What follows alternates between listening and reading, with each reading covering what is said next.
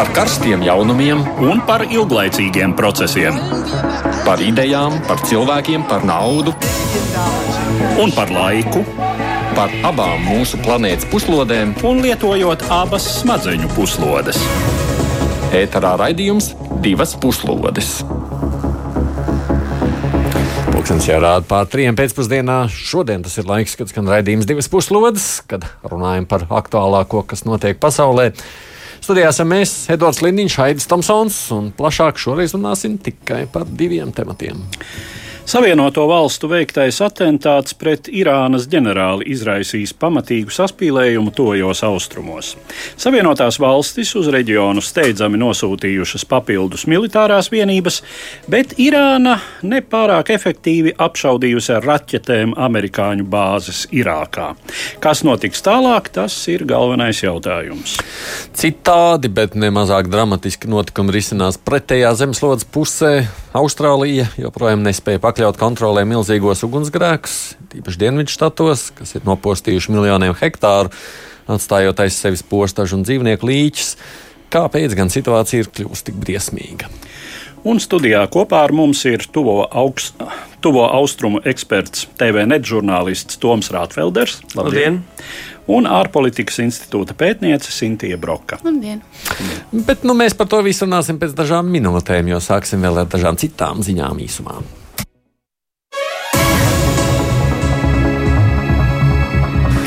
Kaut arī Ukraiņas lidmašīnas katastrofas cēloņi Irānā vēl nav zināmi, notikušais ir nopietni satraucis daudzas avio kompānijas. Virkne kompāniju ir mainījušas maršrutus, lai nebūtu jālido Irānas un Irākas vispār gaisa telpā. Lidojums ir pārtraukuši Vācijas avio kompānija Lufthansa, Francijas līdzsabiedrība Air France. Arī Austrālijas kvantas uz laiku ir mainījusi Londonas pērts maršrutu, kas nu būs 45 minūtes garāks. Līdz ar to būs jāsamazina pasažieru skaits, lai lidmašīna spētu šo garāko ceļu nolidot. Līdzīgi rīkos, rīkosies Malaisijas avio kompānija, Malaysia Airlines, tāpat Singapūras līdzsabiedrība Singapore Airlines ir nolēmusi novirzīt lidojumus uz Eiropu uz citiem maršrutiem, lai nebūtu jāizmanto Irānas gaisa telpa. Savukārt ASV Federālā aviācijas pārvalde ir aizliegusi vispār jebkurai ASV reģistrētai aviokompānijai veikt lidojumus virs Irānas vai Irākas.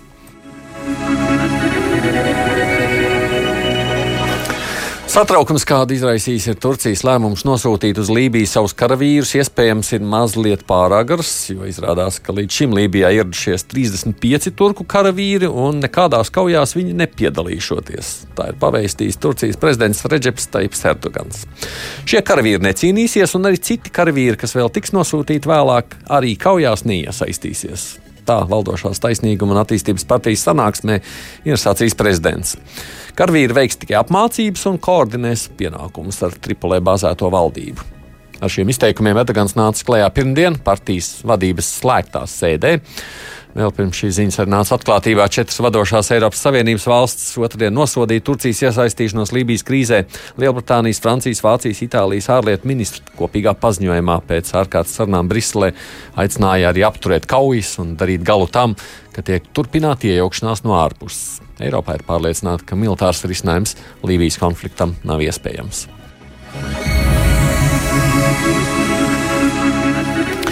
Spānijas sociālistu līderis Pedro Sančes trešdien nodevis premjerministra amata zvērestu, uzņemoties vadīt Spānijas pirmo koalīcijas valdību kopš demokrātijas atjaunošanas.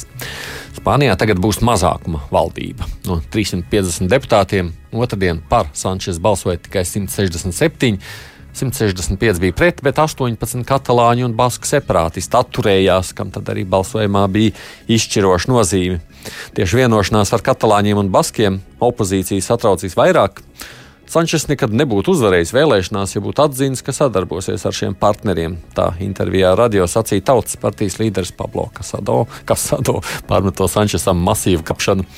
Jāatgādina, ka sociālisti novembrī notikušajās ārkārtas vēlēšanās ieguva visvairāk balsu, tomēr Viņiem tāpat kā ārkārtas vēlēšanās pērnā gada aprīlī neizdevās izcīnīt absolūto vairākumu, un tādēļ Spānija gandrīz gadu atradās politiskā strupceļā.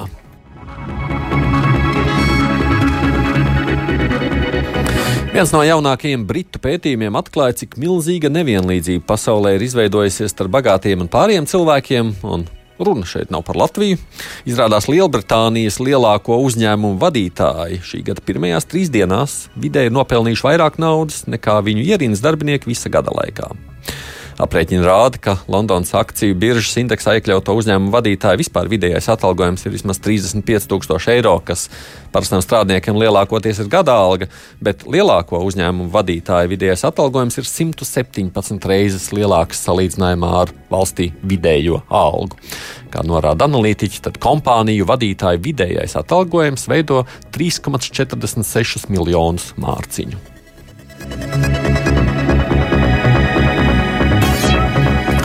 Vācijā krietni ir sarukusi jauno automašīnu ražošana. Pērn no konveijera nobraukuši vien 4,7 miljonu automobīļu, kas ir zemākais līmenis vairāk nekā 20 gadu laikā.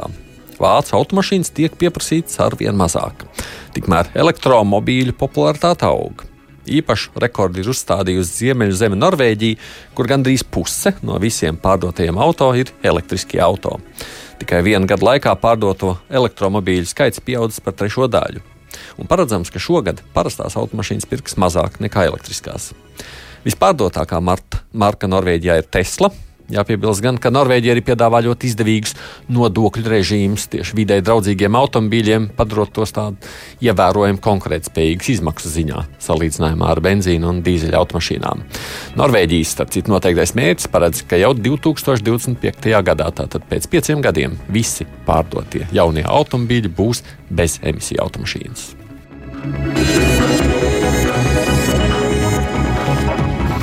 Bet mēs tagad turpinām par sākumā minētajiem tematiem un vispirms par situāciju tuvajos austrumos. Savas dzīves laikā ģenerālmajors Kasens Soleimani tika minēts kā otrs ietekmīgākais cilvēks Irānā. Savukārt ASV centrālās izlūkošanas pārvaldes amatvīrs Džons Magvairs vēl 2013. gada intervijā The New Yorker nodēvējis viņu par neapšaubāmi visietekmīgāko slepenā dienas komandieri tuvajos austrumos. Kopš 90. gadu beigām ģenerālmajors Soleimani komandēja militāro organizāciju Kucas spēki, apmēram divīzijas lieluma Irānas Islāma revolucionārās gvārdes struktūru, kuras specializējās nekonvenciālo militāro un izlūkošanas operāciju veikšanā tuvajos austrumos. Tūkstoši organizācijas kaujinieku un instruktori darbojās reģionu valstīs, karodami pret Islāma republikas ienaidniekiem un atbalstīdami sabiedrotos - Asad režīmu Sīrijā, kaujinieku grupējumus Hezbollah Libānā un Hamas Palestīnā, arī pēdējos gados ar vien ietekmīgāko Irākas šīītu miliciju Kaitab Hezbollah. 3. janvārī, kad ģenerālmajors Soleimani ieradās kārtējā vizītē Bagdādē, amerikāņu bezpilotu lidaparāta raidīta raķete lidostā nogalināja viņu un arī vairākus viņa sagaidītājus. Šī operācija turpināja notikumu virkni, kas sākās ar raķešu triecienu decembrī nogalājis Savienoto Valstu spēku bāzē Irākā, kurā gāja bojā viens amerikāņu līgumdarbinieks. Vainojot šajā uzbrukumā Kaitap Hezbollah, amerikāņu spēki atbildes triecienā organizācijas bāzē nogalināja vismaz 25 kaujiniekus. Pēc tam saniknots pūlis uzbruka Savienoto Valstu vēstniecībai Bagdādē. Amerikāņu ieskatā šai eskalācijai Irākā ir tieši saistība ar ģenerāla Soleimani darbību. Ietekmīgā Irāņu militāristu un viņa sabiedroto nogalināšana, saprotams, nevarēja palikt bez Irānas atbildes, un par tādu kļuva divu Savienoto Valstu bāzu apšaude ar balistiskajām raķetēm naktī no otrdienas uz trešdienu. Upuru šoreiz izpalika, kas līdzis izskanēt pieņēmumiem, ka uzbrukumam bijis drīzāk demonstratīvs raksturs. Apmēram četras stundas pēc apšaudes Teherānas pievārtai katastrofu cieta Ukraiņas aviolīniju pasažieru lidmašīna, bojā ejot visiem 176 pasažieriem un apkalpes locekļiem, taču pagaidām gan nav informācijas, vai abi notikumi būtu jebkā saistīti. Trešdienas rītā ar uzrunu Irānas raķešu apšaudas sakarā uzstājās prezidents Donalds Trumps. Vēlreiz apliecinājis apņemšanos nepieļaut kodolieroču radīšanu Irānā un piesaucis Savienoto valstu militāro varenību, prezidents tomēr izteicās, ka Irāna esot atslābinājusies. Uzrunu viņš noslēdz ar pasāžu, kuru varētu rezumēt ar frāzi: Mēs taču vēlam Irānai tikai labu. Sargādīņš šeit studijā Sintība Roka un Toms Rāpfilders arī ir Droši vien tāds vispārējais jautājums, ko jūs tagad sakāt pēc visiem tiem nu, saspringtajiem pēdējo dienu notikumiem, kāda ir tā pašreizējā situācija Sintī? Es teiktu, ka šim raidījumam ir izvēlēts uh, labs brīdis, jo tieši pēc vakardienas vakarā prezidenta Trumpa paziņojumiem tā ir tāda lielāka skaidrība. Mēs varam spriest, kas, kas, kas ir noticis un kāda ir pēdējā reakcija bijusi. Un esam tādā situācijā, kurā vēl kaut ko gaidām. Nu, tā akurāti uz karstām ja? pēdām. Mēs vairs negaidām. Nē, es domāju, ka mē, mums ir jāgaida vēl, vēl, vēl, vēl tādā vidējā termiņā noteikti, jo šī Irākas bāžu apšauda, manuprāt, tiešām es piekrītu arī iepriekš sadītajiem, ir vairāk tādu simbolisku nozīmi. Eh, es domāju, ka eh, šie te eh, Irānas atriebības gājieni turpināsies vēl, vēl diezgan pārskatāmā nākotnē. Tomēr. Absolūti. Un, un, un, un kā viņi paši ir paziņojuši, tas noteikti ies uz to viņu izvirzīto galamērķi, respektīvi ASV spēku izstumšanu no tuviem austrumiem. Es, es, es principā varētu pieminēt, tikai es piekrītīšu Sintijai. Es pat varētu teikt, varbūt, ka mēs esam novērojuši konvencionālās eskalācijas nobeigumu vai arī atslābumu Jo, principā, tad, kad uh, Donalds Trumps vakar uh, izvēlējās tomēr neuzbrukt uh, Irānas mērķiem, viņš izvairījās no tā, ka Irāna būtu iespējams sākus uzbrukt ASV sabiedrotajiem reģionā, jo, principā, to viņa jau bija draudējusi. Un tas tādā gadījumā būtu varējis arī novest pie plašāka reģionāla tuvo austrumu konflikta. Taču ir skaidrs, ka Irāna jebkurā gadījumā ar ASV nesāks tagad draudzēties par spīti tam, ka ir no, nu, nu, tā kā principā deeskalācija konvencionālajai fāzē. Notiks visticamāk, es pieļauju kaut kāda asimetriskāka kara darbība, varbūt kaut kādas slepkavības, kiberuzbrukumi, diplomātiskas, vairāk tādas tā kā vēršanās pret ASV, kas nenoliedzami arī jebkurā gadījumā neveicinās mieru reģionā, taču tas nav gluži tas pats, kas liela mēroga konvencionāls karš starp abām lielvarām, kuras, kuras principā varē, kurš varēja izcelties šajās dienās. Nu, no otras puses, tā, tā Irākas, Irānas atbilde bijusi diezgan, nu, kā lai pasakā, maz efektīva, teiksim, tā, vairāk tiešām demonstratīva jēgas lielas jau nav bijis. jā, tāpēc, ka neviena līķa. Jā, un, jo sevišķi neviena amerikāņu jā, līķa. Jā, jā. Te jau ir būtiski tas, ka. Lai gan viņi savās mēdījos, tu man liekas, plātījās, ka viņi tur 80, cik tur ir. Jā, jā, jā, no savos mm. mēdījos viņi tur uh, galvas kausa piramīdas sabūvēja kā parasti.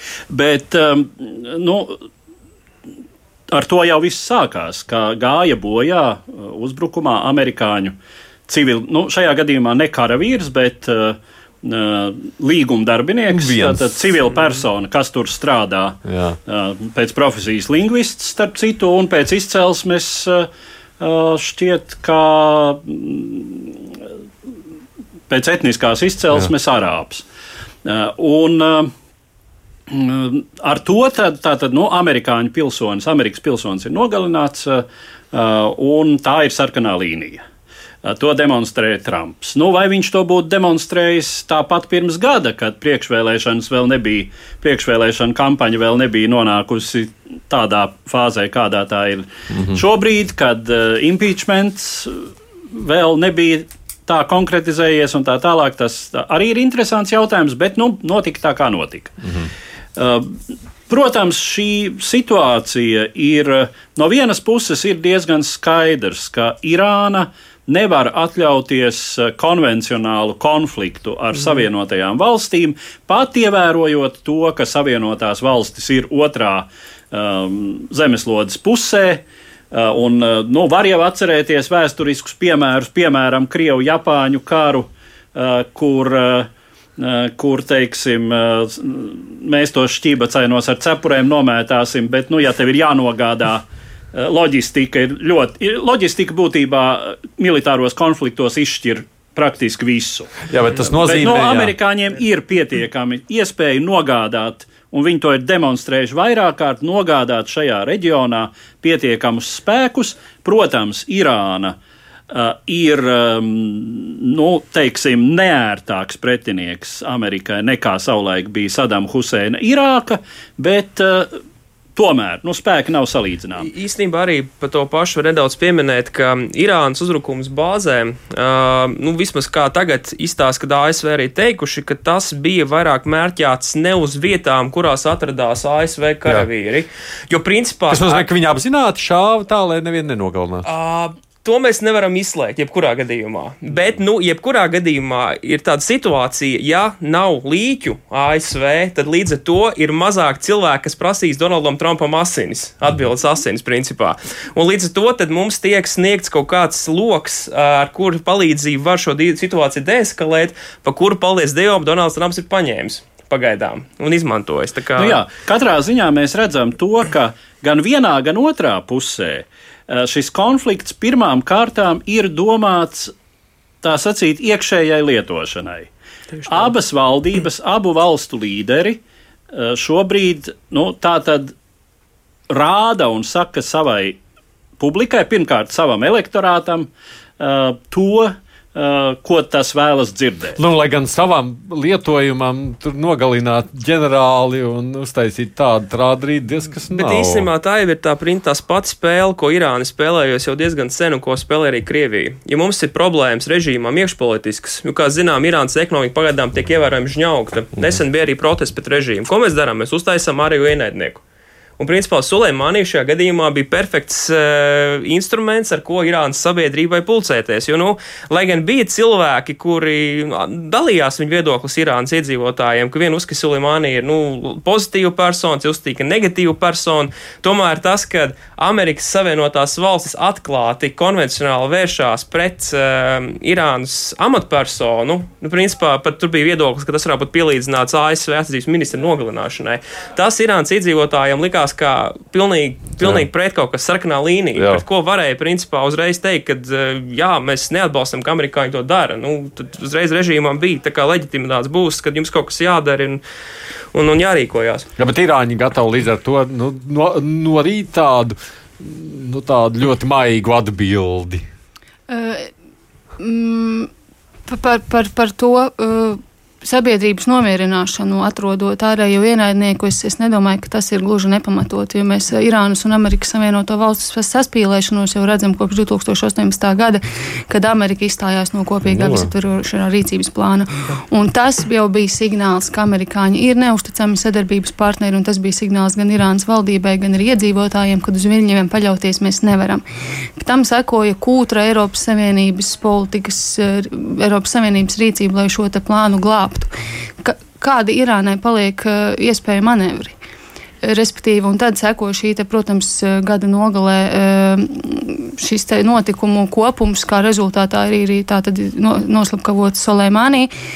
Un Tad, manuprāt, tas nav kaut kas, eh, ko Izra Irāna ir patērusi no gaisa un nomierina savu sabiedrību. Un tas, ko mēs varam arī redzēt, ja Amerikas uh, iekšienē ir ļoti liels stīvēšanās starp viedokļiem, pat kongresa līmenī ir cilvēki, kas ir pāri, cilvēki, kas ir pret, tad tagad šīs te. Uh, protesti, kas bija Irānā un kas, eh, kas, kas bija ļoti augstā līmenī, sabiedrība vērsās pret valdību, tas ir otršķirīgi. Ekonomiskā labklājība šobrīd sabiedrībai ir otršķirīga. Pirmajā līmenī ir aizsardzība, un tas Irānu ir vienojis un vienojis daudz lielākā līmenī nekā šobrīd ir vienota Amerikas Savienotās valsts. Lai gan man jāsaka, es esmu dzirdējis arī lasījis, respektīvi, viedokli eh, par to, ka. Mm, Irāna nebūtu arī nav monolīta un ne tikai sabiedrības, bet arī varas līmenī. Jā. Protestus pret, eh, pas, pret esošo ekonomisko situāciju, pie kam protestus ar lozungiem beidziet izgrūst mūsu naudu, ārējos konfliktos. Eh, mēs nu pat nesen Irānā vērojām. Protams, tas bija sabiedrības mazākums, un, protams, uh, Šie protesti tika ātri un nežēlīgi apspiesti, kur starp citu uh, minētā Solēmānī vadī, vadītās organizācijas snaiperi arī ar nu, lielu iespējamību piedalījās. Tas, ko saka Sintīna, ka varbūt šis savukārt ir ļāvis. Bet, bet nu, Solēmānī, Solēmānī no cementēji. otras puses bija viens no galvenajiem Irānas vanagiem.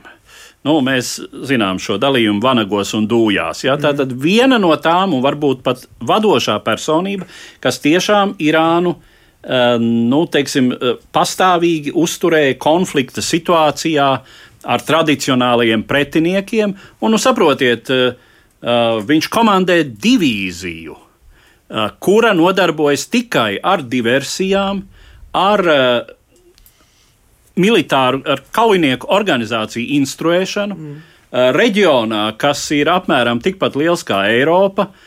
Ja, nu, nu, jā. nu, šā, šāds, šādu jēriņu, tā sacīt, nokaut, nu, tas ir diezgan loģiski. Es, nu, ko, es, tad, ko tad viņš īsti sagaidīja? Viņu ar ziediem? Es nedaudz papildināšu to, ko Sintīna teica. Nu, pirmkārt, tas, ka uh, Kāpēc uh, ASV beigās izvēlējās tomēr neeskalēt? Viens no iemesliem ir tas, ka Trumpa endgame, jeb viņa Uh, mērķis, ko viņš galvenais grib panākt, viņš ir sēsties pie sarunu galda un, pir, un panākt ar Irānu jaunu kodola vienošanos, kas principā būtu uh, labojums Obamas laika noslēgtajai kodola vienošanās, kur, kur principā aptvert arī tāds jautājums, ka Irānas reģionālā loma un balstiskās raķetes un, nu, principā jautājumi, ko Obama negribēja aizskart. Par ekonomisko situāciju tur es gan Cintijai nepiekritīšu, jo Irānai, Irānas iedzīvotājiem ir ļoti svarīga ekonomiskā labklājība. Atcerēsimies arī to, ka šie nav pirmie protesti, par ko um, Irānas uh, valdība saskarās vēl, vēl laikā, kad tika noslēgta, kad bija noslēgta kodola vienošanās uh, vēl aktīva, un principā cilvēki tāpat protestēja pret valdošo režīmu ar uh, viedokli, ka nauda netiek izgr... no, no kodola vienošanās, viņa netiek investēta labklājības veicināšanā, bet ārpolitikas veidošanā. Tā kā nu, tur Jā. jāstāsta bijuši runāt. Toms Rostaks, kurš mums klausās pie klausulas mūsu un netiek pie vārda, es arī gribu mazliet uzrunāt Nacionālās aizsardzības akadēmijas vadošais pētnieks Tom, halo! Labdien! Labdien! Es saprotu, ka izdevās dzirdēt mazliet mūsu sarunu šeit. Jā. Kā izskatās tā nākotnes perspektīva no jūsu viedokļa? Um, es Es domāju, ka krīzes tāda karstākā fāze ir uh, pabeigusies uh, šajā brīdī. Uh, Irānai bija nepieciešams sniegt publisku un tieši Irānai piedēvējamu rīcību pret Soleimānijas, kā atbildi pret Soleimānijas slepkavību. Un šī karstā fāze līdz ar to ir visticamāk beigusies. Tas, kas notiks tālāk, droši vien ir tas, ka Irānas reģionālās ambīcijas nav mazinājušies. Es arī šaubos, ka viņi stipri samazinās savu atbalstu šīm grupējumiem tuvu austrumu reģionā. Tā kā tālāk mēs droši vien redzēsim to, ka Irāna atgriežas pie, pie nu, savas ierastās uzvedības, kad tā cenšas um, vairot savu ietekmi un mazināt ASV klātbūtni um, reģionā ar uh, slēptu uh, līdzekļu palīdzību. Tas, ko šis Toms, kurš ir studijā, sacīja, ka Amerika jau gribētu, ja Trumps gribētu atkal dabūt pie sarunu galda un mēģināt noslēgt jaunu līgumu, vai par to vispār ir vērts runāt kā cerību noti? Um, nu šobrīd tas ir ļoti neskaidri, jo no vienas puses uh, viena no ietekmīgākajiem cilvēkiem Irānā nogalināšana uh, tīri loģiski um, nokauj jebkādas diplomātijas iespējas, uh, bet uh, no otras puses tomēr uh, Irānai ir uh, arī um, nu, savas nepieciešamības, uh, kas attiecās uh, uz, uh, uz ekonomisko attīstību. Uh, tāpēc, uh, nu, pastāv iespēja, ka uh, Irāna uh, varētu uh, vismaz uzklausīt kādu ASV piedāvājumu. Un, uh, nu, kā tas Trumpa gadījumā bieži vien ir, uh, ir bijis, tad uh, um, Trumpam svarīgāk ir publicitāte un uh, paraksts uz uh, kaut kādu papīra gabalu, uz vienošanās, uh, kas viņam ļautu paziņot, ka viņš ir uzvarējis mazāku um, uzmanību pievēršot uh, vienošanās saturam.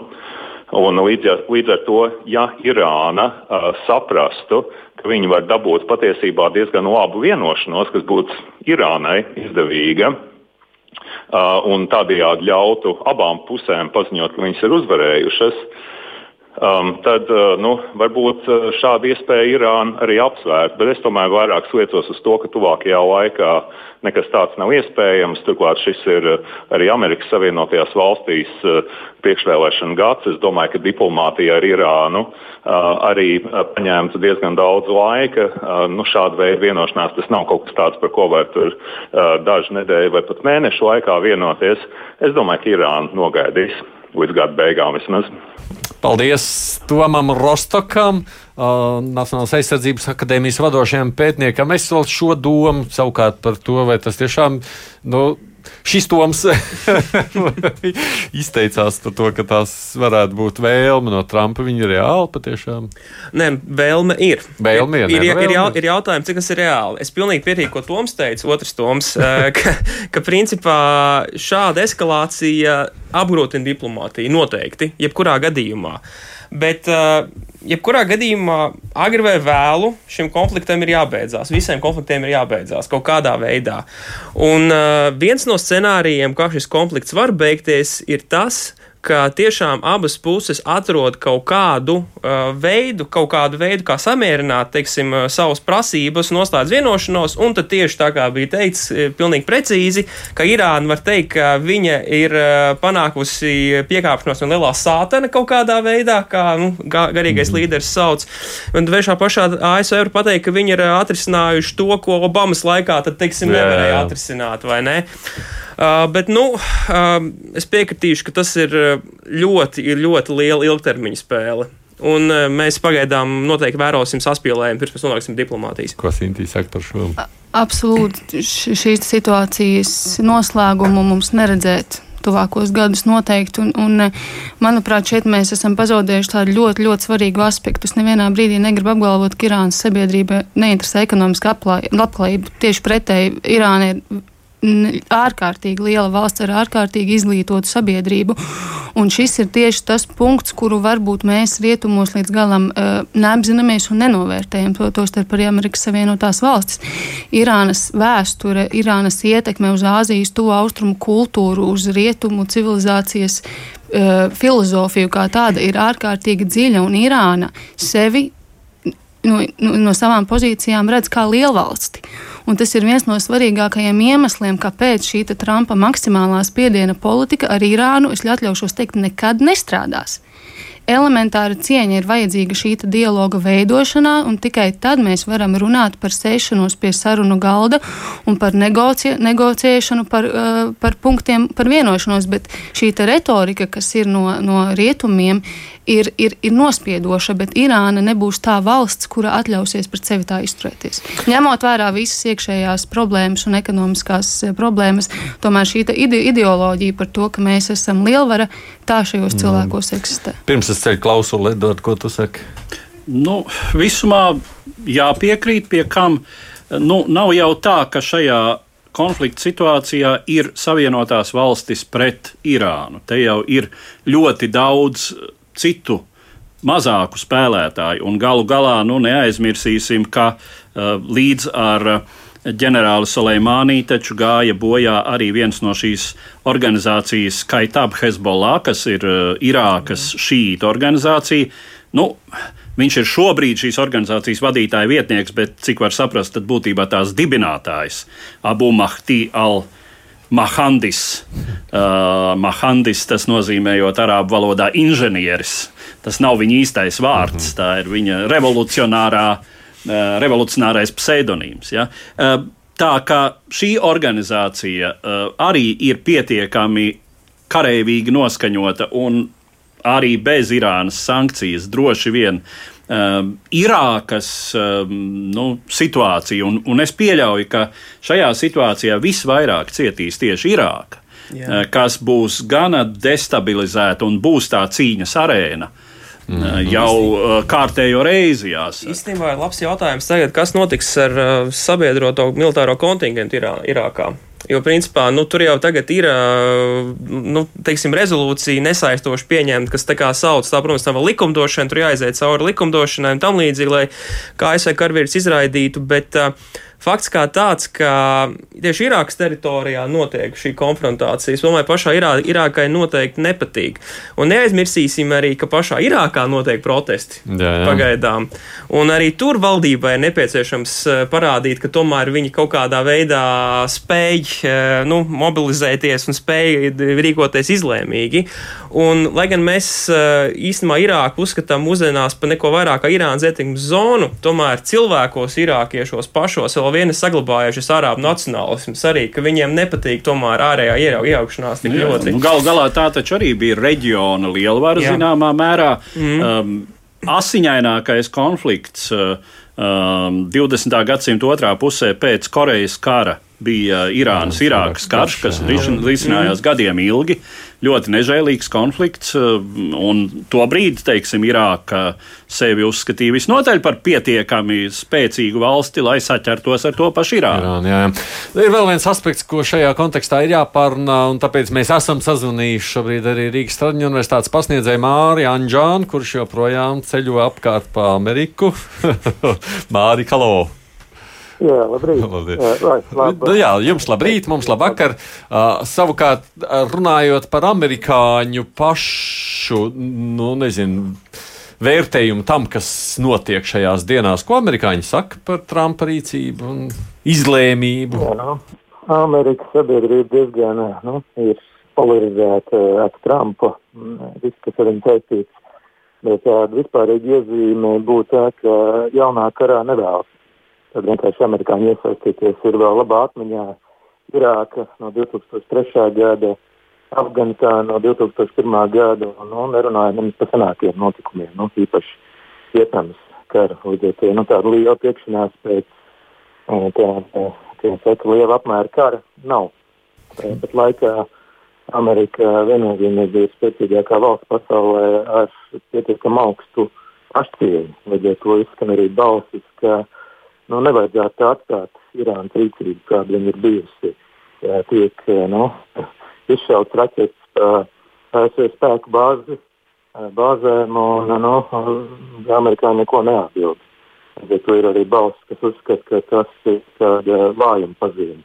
Visticamāk, ka Irānā tā tas tiek arī interpretēts, ka tas ir nu, amerikāņi parāda savu vājumu. Mm. Nav gatavi tomēr pildīt uh, tos stingros vārdus, ko Trumps izteicās vēl pavisam nesen. Savukārt, ja runājam no tāda iekšpolitiska punktu gūšanas, tad Trumps ir kaut kā ja guvis popularitātes ziņā vai zaudējis, vai tas nekā neietekmēs viņu pirmsvēlēšanu laikā? Nu, jāņem vērā, ka šis novērš uzmanību no impeachment, kas nu, pat Vašingtonā turpinās. Nu, senāts gaida, kad pārstāvja palāta nosūtīs nu, šos pārkāpumu aprakstu. Un, līdz ar to tagad cilvēki vairāk runā par Irānu nekā par impeachment. Impeachment aizgājis tādā otrajā plānā. Tas attiecas uz to, vai Trumps iegūs vai nē. Nu, viņa vēlētāja bāze ir diezgan uzticīga un ir, ir diezgan saliedēta. Un, un parasti nav situācijās, kad prezidents parāda spēku, tad, tad parasti arī nezaudē no tā. Un, nu, šobrīd es teiktu, ka drīzāk varētu bilants būt neitrāls, vai viņš pat varētu iegūt no saviem vēlētājiem. Un, un, un tā kā nu, demokrāti izteica kritiku par veidu, kā viņš rīkojas ar šām uh, Soleimanī, tad nu, vismaz ka vajadzēja konsultēties un, un ka nevajadzētu iesaistīties jaunā karā. Līdz ar to arī varētu nu, nesasnācies viedoklis par Trumpu vēlētājos, kas nu, nav simpātiski par viņu. Mm. Labi, paldies, Mārcis Anģāns, Rīgas Traņu universitātes pasniedzējs, kurš jau vairākus mēnešus šobrīd atrodas Amerikas Savienotajās valstīs. Mums Jānis rakstā, nesaprot, kāpēc amerikāņiem bija jāstāsta visai pasaulē, ka tieši viņi uzspridzināja to Soleimāni. Krievija visu mūžu noliegusi visus savus grēkus, sākot ar Ukrainu, beidzot ar skripaļu indēšanu. Viņi taču neko nezina, nav nekad vainīgi. Nu, manuprāt, nu, to mēs jau izrunājām. Jā, nu, kas Trumpam nozīmē, ka Trumpam bija svarīgi, pad, ka tas ir viņš. Nu, tāpēc es prasīju, jūs prāt, viņš būs ieguvējis beigās no šīs te no kara, es, karoga es, vicināšana? Es teiktu, ka drīzāk tas varētu būt par nulēm, vairāk vai mazāk. Nu, es uh, nedomāju, ka viņš ir kaut ko izdarījis tādu vai atrisinājis kaut ko tādu, kas viņam varētu dot papildus kaut kādus politiskos punktus. Tas bija vienkārši nu, tāds milzīgs saspīlējums, uh, kas piesaistīja pasaules uzmanību. Tagad es pieļauju, ka viņš lēnām sāks no, nu, norimt, mm -hmm. un mēs lēnām atgriezīsimies pie tā paša jautājuma par impeachment un, un, un vispār pārējo. Par Irānu es pieļauju, ka mēs, protams, vēl ievērojam dzirdēsim uh, Trumpa priekšvēlēšanu kampaņā, nu, ka viņš arī noteikti stāstīs, ko viņš ir mēģinājis darīt, ka viņš ir uh, piemērojis sankcijas, ka viņš nav ļāvis Irānas režīmām izplesties, ko savulaik nav darījis Obama. Un tādā garā, tā kā, nu, redzēsim, redzēsim. Nu jā, es gribētu gan varbūt teikt, ka, uh, nu, zināmus punktus, pluspunktus Trumps ar šo tomēr būs ieguvis. Mm. Kaut vai zināmā mērā viņš būs kompensējis to ļoti tomēr neglīto traipu uz sava renomē, kas bija amerikāņu spēku izvešana no Sīrijas, atstājot aci pret aci ar Turcijas uh, nu, jāsaka, agresiju uh, kurdu spēkus, kas bija amerikāņu sabiedrotie un uzticami sabiedrotie. Par to Trumps tika ļoti nežēlīgi kritizēts.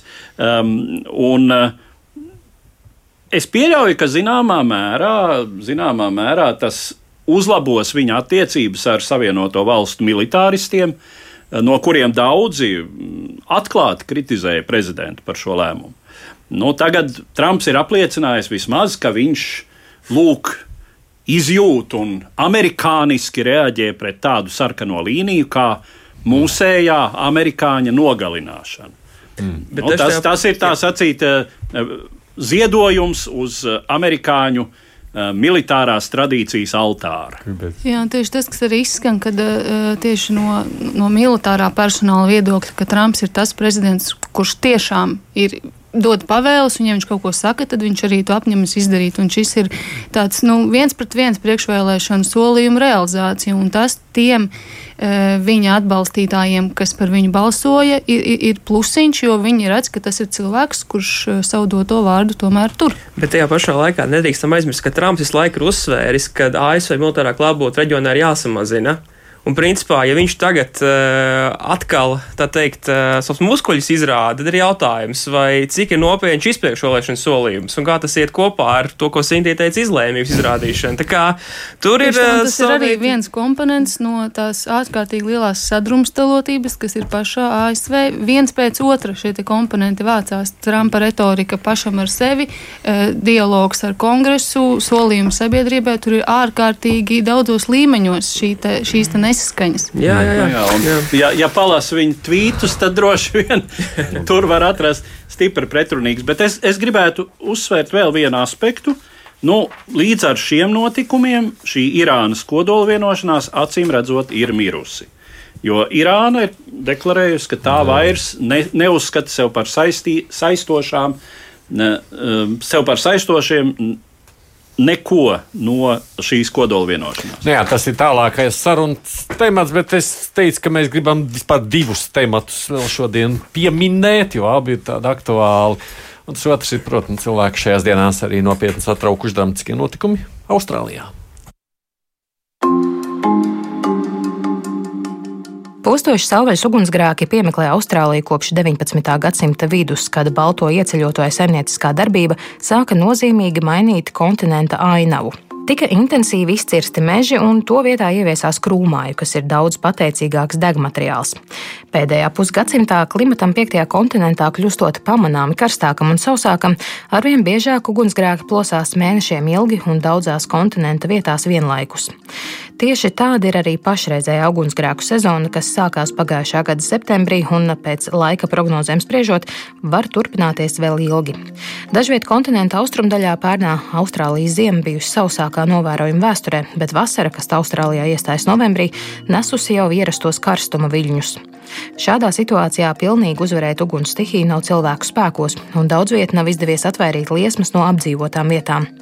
Šobrīd reģistrēti jau 1800 uguns nopostīti mitekļi, taču šī statistika ir visai nepilnīga. Uguns stihijai par upuru krituši arī 26 cilvēki. Pagātnē gan piedzīvots uguns nelaimes, kurās upuru skaits ir bijis lielāks, taču tas nav pamats secinājumiem par pašreizējo ugunsgrēku apjomu. Mazāku bojāgājušo skaitu nosaka labāka organizācija un attīstītākas tehnoloģijas. Tiek lēsts, ka uguns jau nogalinājusi pusmiljārdu savvaļas dzīvnieku, putnu un rāpuļu, bet kopā ar hipotētiski lēsto bojāgājušo abinieku, bezmugurkalnieku un sikspārņu daudzumu šis skaitlis varētu būt ap miljārdu. Pētnieki bažījās, ka dažas apdraudētas sugas pašreizējo uguns nelaimi varētu arī nepārdzīvot. Tikām paralēli dabas stihijai uzliesmojuši diskusijas arī Austrālijas mediju un politiskajā telpā.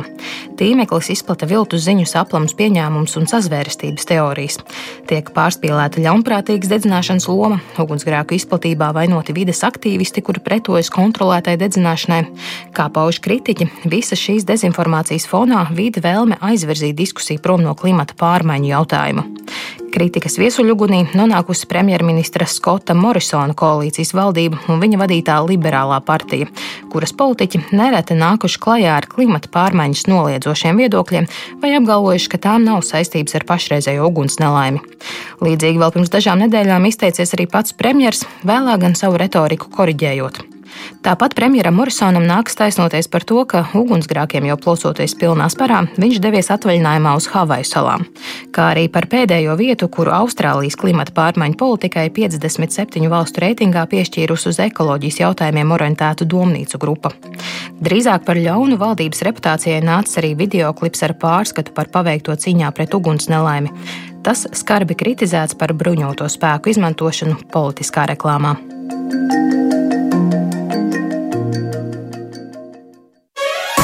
Divas puslodes. Atgādājot, studijā kopā ar mums arī TVN žurnālists Toms Rāpfelders un ārpolitikas institūta pētniece Sintīna Broka un arī mēs ar Eduardu Liniņu. Droši vien tāds cilvēcisks jautājums, kā jums šķiet, tur vispār bija iespējas kaut kādā veidā mazināt tās dramatisko ugunsgrēku tādu izplatību un visas tās sekas, kas tur ir bijušas. Vai tas ir tāds, nu, ko mēs pret dabas stihiju varam izdarīt?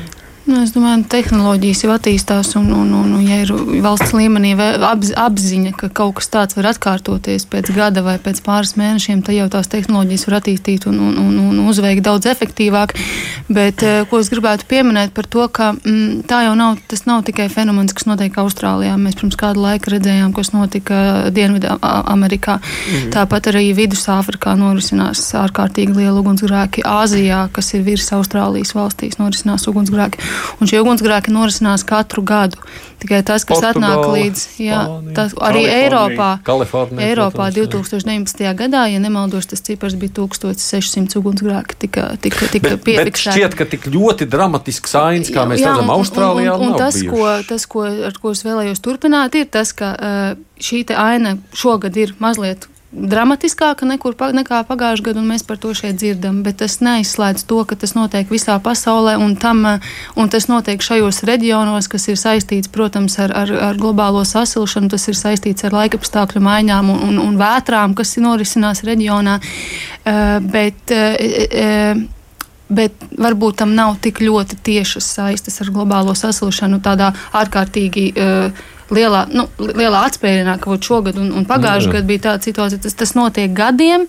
Protams, globālā sasilšana to varbūt ietekmē tādā līmenī, ka šo, šogad tas ir dramatiskāk nekā tas bija nu, pagājušajā gadā. Runājot par globālo sasilšanu, protams, tur jau nu, labi, mums diskusijas ir bijušas un arī būs jautājums par šo konkrēto gadījumu, vai tur var kaut ko darīt citādi, vai mums vienkārši jāsamierinās, Jā. ka nu, drīz iz, izdegs. Jautājums, ko, ko nozīmē pasaules. darīt citādi? Nu, protams, ka Vēsture nevar pagriezt atpakaļ. Eh, nevar atcelt koloniālismu mēru, kad eh, Austrālija, tāpat kā citi eh, toreiz britu koloniālie valdījumi, tika diezgan intensīvi izmantota nu, un arī attīstīta, protams. Jā, tā kļuva no, no faktiski mm, dažās desmitgadēs, vai no varbūt simtgadu laikā, tā no akmens laikmeta nonāca nu, salīdzinoši attīstītas industriāls vai industriāla agrāras valsts situācijā, bet tas, protams, nāca ar milzīgām vidas izmaiņām, kādas es pieļauju. Nu, reti kur pasaulē tik intensīvas ir notikušas pēdējos gadsimtos. Un, tas viss, protams, veido šo apstākļu, apstākļu kompleksu, lai gan tieši tā nu, mēs, mēs redzam, ka ļoti postoši ugunsgrēki ir bijuši Sibīrijā, eh, kur varbūt tomēr eh, šie apstākļi nav tik kritiski kā Austrālijā. Tā kā nu, tā tad ir, ir lietas, ko vairs nevar vērst par labu. Nu, es varētu papildināt tikai to, ka es piekritīšu Sintijai, ka mēs nevaram pateikt, ka tas tieši ir sasaistīts ar globālo sasilšanu, bet fakts, ka globālā sasilšana notiek, manuprāt, ir skaidrs. Un, uh, ja nemaldos, jau 2013. gadā uh, bija ziņojums, uh, nu, ka Austrālija varētu būt uh, viena no, no tiem pasaules reģioniem, kur, kur šis process varētu skart visvairāk. Un, principā, tieši bija paredzēts, ka ap 2000 jau ap šo laiku, 19. un 20. te varētu nu, būt vēl trakāk tas viss, vai ne? Un tieši tagad mēs to, mēs, mēs to situ, situāciju redzam. Un um, Austrālijas gadījumā, man liekas, ir, uh, nu, tas, kā premjeras arī, mēs varam pievērsties politiskajai dimensijai arī tur nedaudz. Uh, ja nemaldos, viņš ir kritizēts par to, ka, nu, viņš sevi pozicionē kā diezgan ekodraudzīgs politiķis, nu, liberālās partijas, bet viņš jau ilgstoši bijis kritizēts tieši par to, ka viņš nedara pietiekami. Kā ļoti daudz no pasaules līderiem, par kuriem iestājās mūsu visi zināmā Grēta Thunberga arī starp citu klimata aktīvisti, par ko, ko, ko kas arī pagājušā gada viens no spilgtākajiem fenomeniem ir. Ja? Tāpēc, nu, ja jāatbild uz jautājumu, vai kaut ko mēs varam pagaidām darīt, visticamāk, mēs varējām darīt jau. Un, uh, tagad mums ir kā, jā, jācīnās ar sekām. Nu, protams, sekas tiks likvidētas, un tad vienkārši mums jāizdara secinājumi un jāstāsta, vai mēs varam upurēt kaut kādas lietas, tomēr vairāk, lai šo globālo sasilšanu nedaudz samazinātu. Jā, bet austrālieši ir dusmīgi uz savu premjeru. Tā var saprast, jā, nopietni dusmīgi. Un... Jo, nu, teiksim, ir lietas, kuras Austrālija varētu darīt citādi. Šajā gadījumā tiešām arī mācoties no tās pašas Eiropas Savienības, kur tomēr uh, politiskā līmenī un visaugstākajā politiskajā līmenī ir definēti šie uzstādījumi. Nu, tā tad klimatiski neitrāla ekonomika līdz 2050. gadam. Jā, tā tad ekonomika, kas vairs neatstāja iespaidu vai katrā ziņā neatstāja graujošu iespaidu uz uh, vides situāciju. Austrālijai šāda uzstādījuma pat uh, ja tas ir, tad, eh, kā jau tiek minēts, eh, ir par maz darīts. Austrālija joprojām turpina atklāt jaunas ogļu, akmeņogļu atradnes, turpina tās izmantot, attiecīgi arī lietot akmeņogles enerģētikā visai intensīvi. Nu, tas ir tas, kā zināms, akmeņogles, kā kurināmais, nu, ir, ir visnetīrākais, jā, ar vislielāko izmešu daudzumu arī teiksim, runa par, par lauksaimniecības zemju attīstību un tā tālāk. Um, šajā gadījumā, un arī tas, ka um, nu, ap cik var noprast, tad ap šo liberālo, uh, liberāli nacionālistisko um, koalīciju, kas šobrīd ir pie varas Austrālijā, uh, koncentrējas noteiksim, nu, tas, tas emocionālais noskaņojums, ja, kas, kas Grētu Thunbergu uh, uzskata par skuķi, kurš sen nav dabūjis pērienu. Uh, kurš, uh, teiksim, runā par ekofašismu un riebīgajiem zaļajiem, kuri neļauj normāliem cilvēkiem tā sacīt, sakārtot lietas un arī vidi un, un tā sacīt, normāli strādāt. Nu, viss šis komplekss, ko mēs arī mūsu teiksim, komentāros pie katra materiāla par Grētu Thunbergu, nu, palasiet, ko tur teiksim, mūsu, mūsu aidi ar tevi vecumu vīrieši, jā, jā, jā. latviešu vīri, vīri tā sacīt, tur izsakās. Jā, jā visvairāk tieši latviešu vīrieši. bet, eh, bet šī Austrālijas politika nu, no, vienas, no vienas puses raugoties ir ārkārtīgi racionāla. Tieši tāpēc, ka viņiem ir šī ogle, viņi viņu izmanto un viņi viņu eksportē. Un ogles eksports viņiem sastāv ārkārtīgi lielu procentu no viņu ieņēmumiem, un kāpēc, lai tagad viņi no šī te atteiktos? nu, tas ir pietiekami racionāli. Tāpat arī amerikāņi, kur neievēro šīs klimata izmaiņas un ir izstājušies no plāna, ja, viņiem ir stipri līdzīgi. Viņiem uh, ogles atradnes sastāv ļoti ārkārtīgi lielu daudzumu no enerģētikas. Ļaužu attieksme šeit tagad ar visiem ugunsgrēkiem kaut kā nepagriezīs. Nu, ja mēs paskatāmies uz, uz, uz ģeopolitiskajām situācijām, tad, tad, tad uzvar tas viedoklis, kur ir iesaistīts bizness, un šeit ir, ir, ir tieši, tieši, tieši bizness. Un ja nav parlamentā un valdības līmenī politiskās laikā, gribas, tajā pašā laikā mums, mums cieši Austrālijas piekrastes ekonomika, principā arī kas principā arī tur turistiem. Nu, pēc ugunsgrēkiem, nu, protams, un, un, zaudējumiem. Un, tas jau arī, man liekas, ietekmē biznesu kaut kādā veidā. Tā nu, kā, tas nav, tas nav svariem, tik viennozīmīgi. Protams, no, es domāju, ja mēs bet... pat, es nezinu no šos skaitļus, bet, manuprāt, Austrālijas turisma industrija ir visnotaļ salīdzināma ar mm. ogļu iegūtu. Bet es esmu pašķirstījis šajās dienās arī Austrālijas mediju lapas, kas ir redzamas internetā, protams, vairāk gan televīzijas, gan arī vietējo portālu. Nu, tur tā premjera kritika ir ārkārtīgi pamanāma. Nu, nevar redzēt, nu, viņam, viņa faktiski Nu, nu, Nu, jā, nu, viņš ir, no viņš ir sapel, sapel, viņš un viņa partija ir sapelnījušies. Nu, uh, nu, tā tas notiek. Tā tas not, noticis daudzkārt vēsturē. Nu, uh, par laimi mēs dzīvojam demokrātijā un tā sacīt, uh, viduslaikos bi- reizumis, kad iestājās bada gadi. Tādu vai citādu iemeslu dēļ, tad uh, tā sacīt, uh, ķēniņš labākajā gadījumā zaudēja troni, sliktākajā arī galvu. Mm. Ja?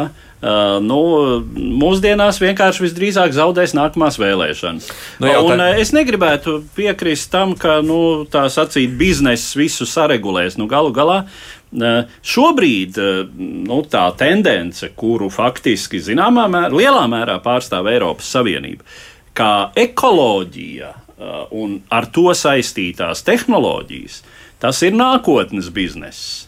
Uh, un, un Eiropa ir tā, kur nu, beidzot teiksim, saskatījusi šeit to nišu, uh, kur atšķirībā no jaunākajām sakaru um, datortehnoloģijām, kur nu netiek un netiek līdzi Savienotajām valstīm un nu jau arī Ķīnai, tad šeit no Eiropa varētu parādīt to savu potenciālu. Nu, un tad ir jautājums, jā, ko darīs Austrālija, kurai agri vai vēl būs jāizvēlas. Nu, šis ir vēl viens aspekts, kur mēs uz pasauli, rietumi, Eiropa uz pasauli skatās pēc savas uh, skatu prizmas. Bet uh, citas valsts pasaulē nebūtu nedomā tā, kā mēs domājam šeit. Un, un visu cieņu Eiropas Savienībai un jaunajai komisijai par viņu mērķiem. Es uzskatu, ka tas ir apsveicami, ka mēs ejam šajā virzienā, bet mēs nevaram gaidīt, kad visas pasaules valstis domās tāpat, kā mēs domājam. Un atgriežoties pie šī, pie šī termina politiskā griba. Uh, Tas varbūt šajā gadījumā tiešām ļoti cieši saistās arī ar pašu premjerministra individuālajām interesēm un individuāliem sadarbības partneriem, kas nav nekas svešs valstu vadītājiem starptautiskajā politikā. Mm. Nu, dzīvnieks jums nav žēl. Dzīvniekus ir nē, nu, protams, man liekas, ka es, es, ne, es tā iedomājos, vai Latvijā vispār mums ir miljards dzīvnieku, miljards savvaļas dzīvnieku. Šaubos. Es pieļauju, ka nav. Jo tas ugunsgrēks ir Nu, saprotu, eh, lielāks kopā kukaiņi, jā, bet viņi arī kukaiņus neskaita. To, to tur ir mm. insektus, jā, to, to tur ir miljardi miljardiem jau aizgājuši bojā droši vien. Jā. Nu, kas nozīmē, ka tomēr šis emocionālais. Nu, Spriežot pēc labi, sociālajā tīkla nav la- labākais rādītājs, bet, bet tas emocionālais tomēr spēlē diezgan lielu lomu šajā. Tāpēc tā ir ārkārtīgi mirklī. milzīga traģēdija. Tomēr tas, tas ir kaut kas, ko varbūt mēs šeit Rīgā sēžot nemaz nestādamies priekšā. Mēs redzam tikai bildītes ar, ar ugunsgrēku, ar, ar mirušiem dzīvniekiem. Bet tā realitāte jau ir pavisam cita. Un, protams, ka cilvēks ir. Tur jau tā lieta, Izmisumā. ka cilvēkam var neinteresēt politika, bet viņam parādīs bildīt ar zvēriņiem, kas mirst. Viņam uzreiz politika sāks interesēt. Nu, tieši tā. Nu, jā. un, un, un, tāpēc es domāju, ka būs diezgan ievērojama kritika tagad pret premjeru.